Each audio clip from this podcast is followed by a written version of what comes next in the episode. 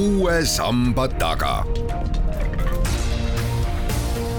sammaste taha aitab vaadata sajaaastane eestikeelne rahvusülikool tere, tänane saade tuleb äh, täiskasvanud inimeste suutervisest, sellepärast et ülikool koos Haigekassaga on teinud ühe uuringu ning normlektor Marju Sinijärv on sellepärast tulnud ka mikrofoni ette, et selgitusi jagada ja ka suuniseid ja juhatusi rahvale anda. küsija on Madis Ligi. Kui suurt hulka inimesi see haaras? uuring viidi siis läbi Eesti täiskasvanud elanikkonna seas, kaasates üle kolmekümne viie aastased täiskasvanud. kaasatud olid nii mehed kui ka naised, et kokku siis teostati selle käigus üle kolme tuhande kliinilise läbivaatuse, täiendavalt siis inimeste või uuritavate enda enesekäitumise küsitluste vastused ja lisaks radioloogiliste ülesvõtete läbivaatamine. et miks see on oluline, sellepärast et Eesti täiskasvanud elanikkonna suutervise seisundist seni nagu puudub selline hea ülevaade, et täiskasvanute jaoks hambaravi on tasuline, kõik täiskasvanud ei käi Haigekassa lepingupartnerite juures ravil või kontrollil vastuvõtul. Ja seetõttu ei jõua ka kõik andmed alati nende isikute kohta e-tervisesse, mille põhjal muidu statistikat saaks teha viimane selline ülevaateuuring hambutuse levikust tehti üle kahekümne aasta tagasi ja, ja seetõttu tunduski, et on õige aeg käes, et äh, teha üks selline uuring, mille põhjal siis natukene rohkem infot kätte saada. ja, ja ühtlasi ka Haigekassa äh, poolne nii-öelda huvi oli ka näha seda, et palju inimesed üldse on teadlikud äh, hüvitise kasutamisest, et äh, uuringuga me alustasime kahe tuhande üheksateistkümnendal aastal ja, ja see lõpp nüüd küll venis äh, tugevalt tänu Covid pandeemiale kahe tuhande kahekümne teise aasta algusesse, aga ikkagi need tulemused, mis me sealt saime, on rakendatavad nüüd ja edaspidi. kuid enne kui tulemuste juurde jõuame ja järeldusteni, miks see vanusepiir jookseb just kolmekümne viie pealt? See metoodika sai võetud Maailma Tervishoiuorganisatsiooni metoodikast ja nemad on nii selle ette näinud, et selleks, et tulemused oleks võrreldavad ka lähiriikidega. kui teadlikud on siis meie kallid kaasmaalased hambatervise osas? no võiks öelda, et teadlikkuses ikkagi on puudujääke näiteks küsitluses me küsisime seda, et et kuidas te ise hindate oma ravivajadust ja inimesed pigem nagu arvavad, et ravivajadus on suurem, aga samas hambaarsti vastuvõtule ka ei pöörduta. Et küsisimegi täiendavalt neid põhjuseid, et miks siis ei pöörduta et äh, üheks äh, põhjuseks äh, on hirm hambaarsti ees, aga noh, ma julgen väita, et just selle täiskasvanud elanikkonna seas on mingid sellised mälestused Nõukogude hambaravist, aga tänapäevane hambaravi on väga erinev sellest, et et kui sellest üle saada, siis ma arvan, et hambaarstiga võib tegelikult jälle sõbraks saada. Ja, ja mis veel on hästi oluline, on see, et äh, täiskasvanuna me anname kõik oma eeskujud ja käitumismustrid edasi oma lastele ja kui me ise, ma ei tea, ei näe vaeva ja ei pöördu arsti vastuvõtule, et siis ei saa ka eeldada seda meie lastelt ja, ja Haigekassa poolne statistika tegelikult ka laste külastatavuse osas, kelle puhul ju ravi on sada protsenti tasuta lepingupartnerite juures, on väga madal, et äh, kui pooled lapsed jõuavad hambaarsti juurde, siis ma ütleks, et seda on ikkagi liiga vähe ja siin peab mõtlema, et kus need põhjused on peidetud, miks nad sinna ei jõua ja ma arvan, et ikkagi tugev seos on just täiskasvanu eeskujudega. kuid enne, kui arstiabi vaja on, enne saame ise ka midagi teha ja igapäevane hammaste eest hea seismine, hooldamine on ju elementaarne kui nüüd äh, selle rea pealt äh, vaadata sellele uuringule, siis mis vastu vaatab? vastu vaatab see, et inimeste üldine teadlikkus küll suuhügieenist on küllaltki hea, aga samas noh, kui ma mõtlen arstina selle peale, mis mulle ravitoolis vastu vaatab ja ise ka, kui ma neid läbivaatuseid selle uuringu raames tegin, et siis teadmised võivad küll olla, aga alati meie oskused võib-olla ei tule sellega kaasa, et need lihtsad tõed, mis oma suutervise hoidmiseks meeles tasub pidada, et need on siiani aktuaalsed ja need ei kao mitte kuskile, et ikkagi see hammaste pesu kaks korda päevas, hommikul ja õhtul ja ja nii, et pärast õhtust hambapesu ei toimuks enam mingit näksimist ega söömist ja, ja hambad saaksidki nii-öelda puhata et äh, ja, ja see on hästi oluline, et hambad saaksid efektiivselt puhastatud, et kõik pinnad, et äh, sageli näeme seda, et äh, näiteks paremakäelistel on ju suur hoogne pesu hakkab vasakult poolt suunurgast pihta ja võib-olla sinna parema poole lõpuks ei jõuagi. et, et hambapesu on midagi sellist, mida tuleb teha mõtestatult, teadlikult ja, ja mõelda läbi ka see, et hambahari üksi ainult hambapinda puhtaks ei saa, et hästi oluline on ka vahede puhastamine. et uuringust ka, see tuli väga kenasti välja, et inimesed on jällegi teadlikud ka vahed, hambavahede puhastamise vajalikkusest, aga kindlasti saab seda parendada, et hambaniit ja hambavaheharjakesed on head abivahendid selleks ja, ja mida veel sealt välja tuli, on see, et naised on hoolsamad kui mehed. et üldiste selliste järeldustena võiks ka öelda, et kuidagi peaks rohkem sihtgruppi suunama või ennetusmeetmeid ja ka selliseid selgitavaid põhitõdesid just nagu levitama meeste seas, et võib-olla alati sellest ei piisa, et kui naine kodus ütleb, aga kui kui mehed kuidagi rohkem ka Haigekassa poolt suunatud kampaaniatega kaasa haarata, et äkki siis sellest oleks kasu. aga kui mõelda toitumisvahedele, et siis need ka uuringu tulemuste põhjal olid sellised optimaalsed, et iga söögikorra vahel võiks jääda siis ikka kuskile kahe poole kolmetunnine paus, et et hamba email saaks siis uuesti happerünnakust taastuda. Ja mis veel välja tuli, oli see, et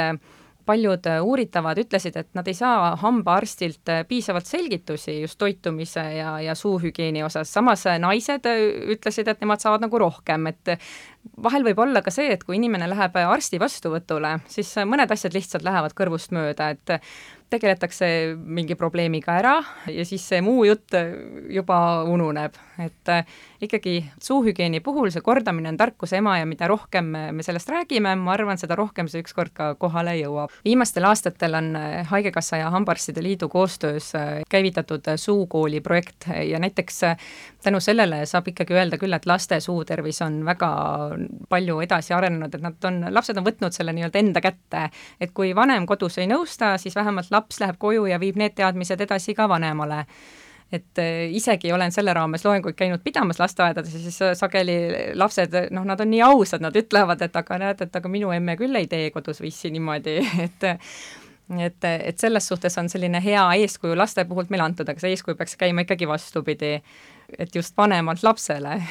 minul vanaisana aga on äh, väga hea näha, kuidas äh, siis uus põlvkond on väga usin ning äh, kuidas lisaneppidega ka tõmmatakse nende tähelepanu ja kujundatakse harjumusi -hmm. et see saaks igapäevaseks elementaarseks tarviduseks. ja natuke tundub, et probleem on selles, et kuna suutervis on jäetud täielikult noh, sisuliselt täielikult täiskasvanu enda vastutada, siis võib-olla see tundubki, et aga noh, hästi, et ma ei tea, see otseselt midagi tunda ei anna, järelikult probleeme pole, aga sageli need probleemid võivad suuõõnes olla väga hiilivad. et äh, uuringu põhjal ka tuli välja väga suur igemehaiguste levimus ja ne-, selle haiguse teke ja ka areng on otseselt ikkagi seotud suuhügieeniga et äh, kui hambaaukude tekkel, eks ole, lisaks on ka need toitumisvahed, pausid äh, määrava faktoriga, pluss see, et mida me tarvitame vahepeal janujoogiks, kas vett või, või, või mingeid muud karastusjooke, et siis äh, igemehaiguste korral kus sisuliselt siis hammas on terve, aga ühel hetkel täiskasvanud inimene kaotab selle seetõttu, et tema kinnitus on hävinenud ja hammas muutub niivõrd liikuvaks, et teda ei ole võimalik enam säilitada. et, et see on midagi sellist, mida võib-olla sageli inimene ise ei, ei saa ära tuvastada, kui tõsine see probleem on et märku annavad sellest küll halb hingeõhk ja, ja võib-olla paha maitse suus, aga noh, need on juba kindlalt välja arenenud haiguse tunnused, mille tõttu juba peaks pöörduma. eriti suur on probleem just meeste seas ja mulle natukene tundub, et Covid on meile selles suhtes teinud karuteene, et inimesed olid maski taga ja suutervis jäeti veelgi rohkem unarusse et, et loodame, et nüüd ikkagi vaikselt äh, inimesed hambaarsti juurde tee tagasi leiavad, sest tõesti, hambaarst äh, on ikkagi mõeldud äh, selleks, et ta nõustaks patsienti, aitaks inimesel suu tervise hoidmisega toime tulla ja oma patsientide pealt me näeme ikkagi ka seda, et kui inimene näeb ise palju vaeva ja, ja lisaks siis arstipoolne nõustamine ja tervise hoidmine, siis on võimalik ikkagi tervete hammastega ja tervete igemetega elada pikka aega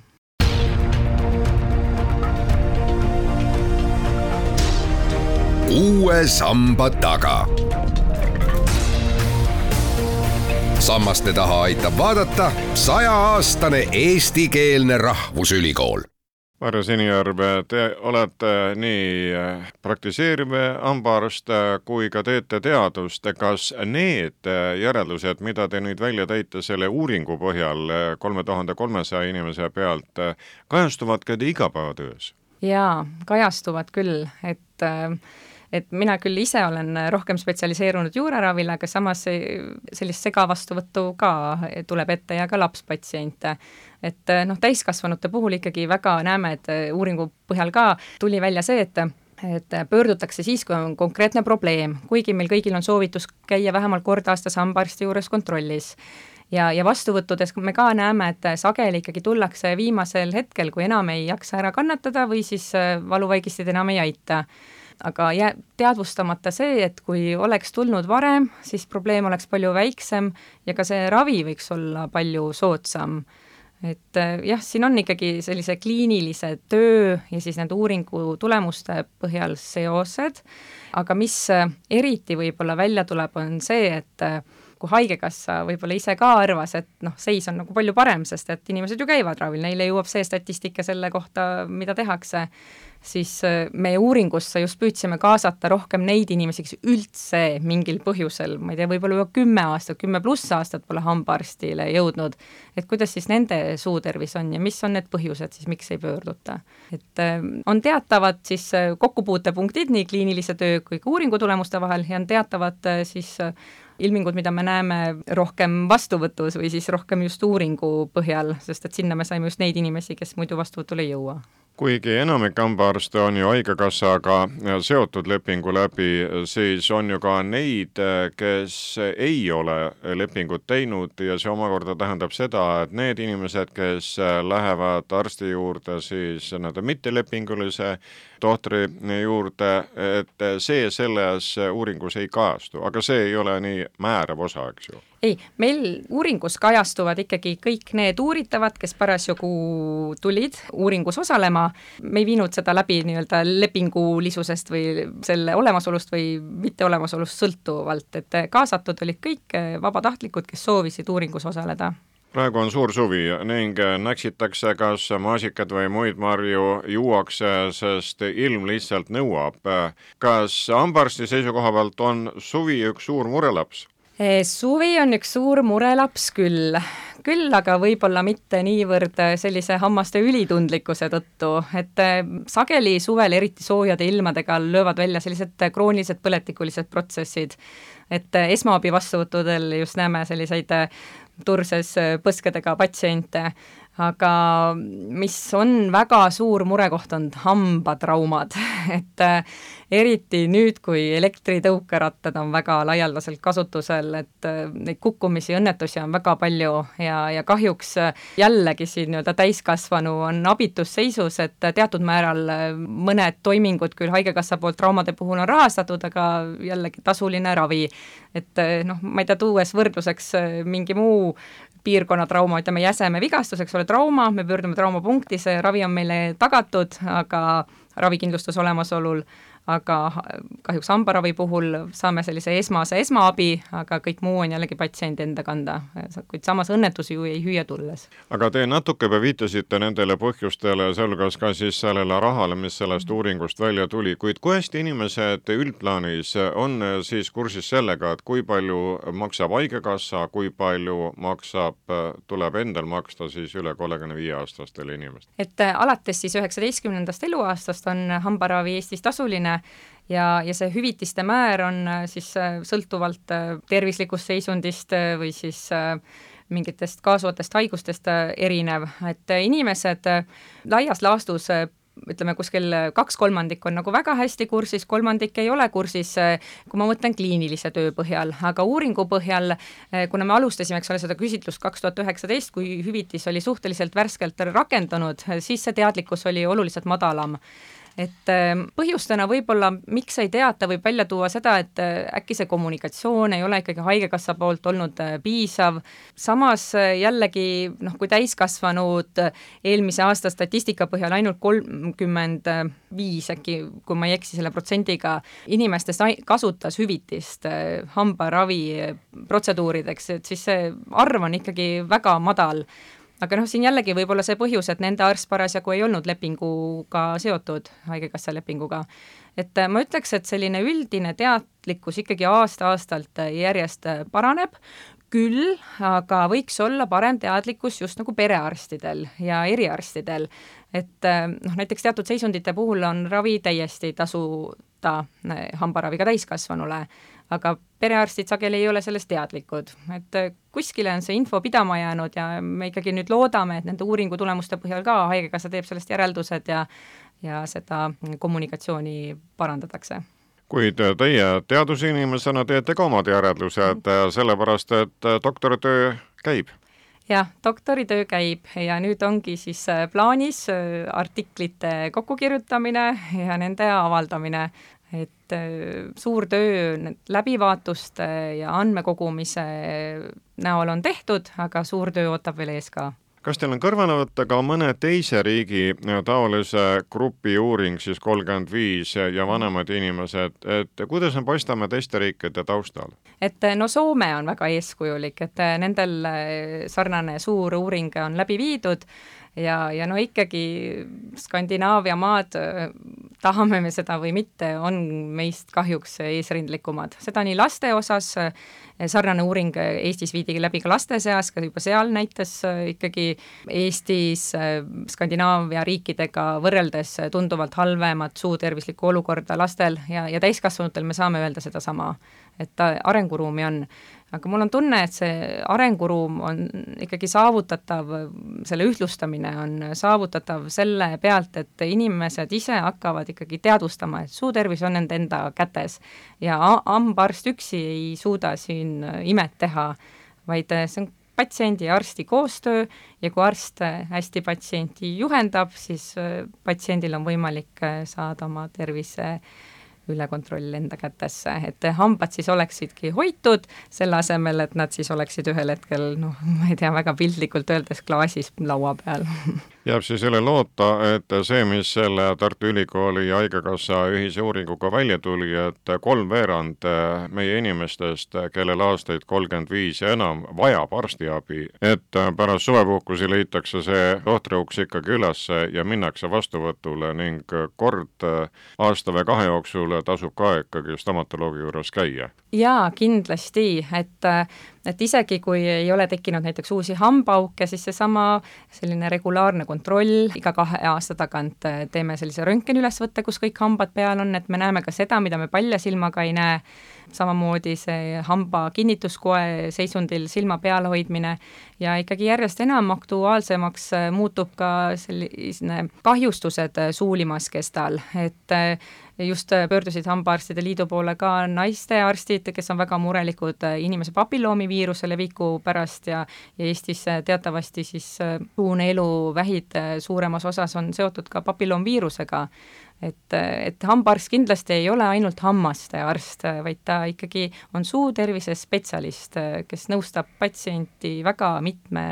aspekti osas ja, ja kindlasti ka inimene ise peab mõtlema, et isegi kui hambad on korras, võib-olla kuskil mujal on mingi probleem, et ikkagi selline ennetav läbivaatus on kindlasti alati omal kohal. aga mis selle uuringuga seoses veel meil hästi välja tuli, mida ma praegu tahaksin lisada, on see, et kui praegu proteesihüvitis algab kuuekümne viiendast eluaastast, siis selgelt hammaste kaotus algab täiskasvanutel juba viiekümne viiendast eluaastast ja selle ettepaneku me ka Haigekassale tegime, et ilmselt tuleks kaaluda võib-olla proteesihüvitise piiri nihutamist allapoole nii palju siis sellest uuringust, mis valmis Tartu Ülikooli ja Haigekassa koostöös ja mille võttis täna kokku nooremlektor ning praktiseeriv hambaarst Marjo Sinijärv. usutleja oli Madis Ligi.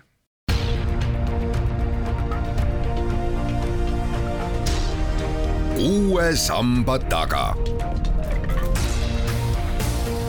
sammaste taha aitab vaadata sajaaastane eestikeelne rahvusülikool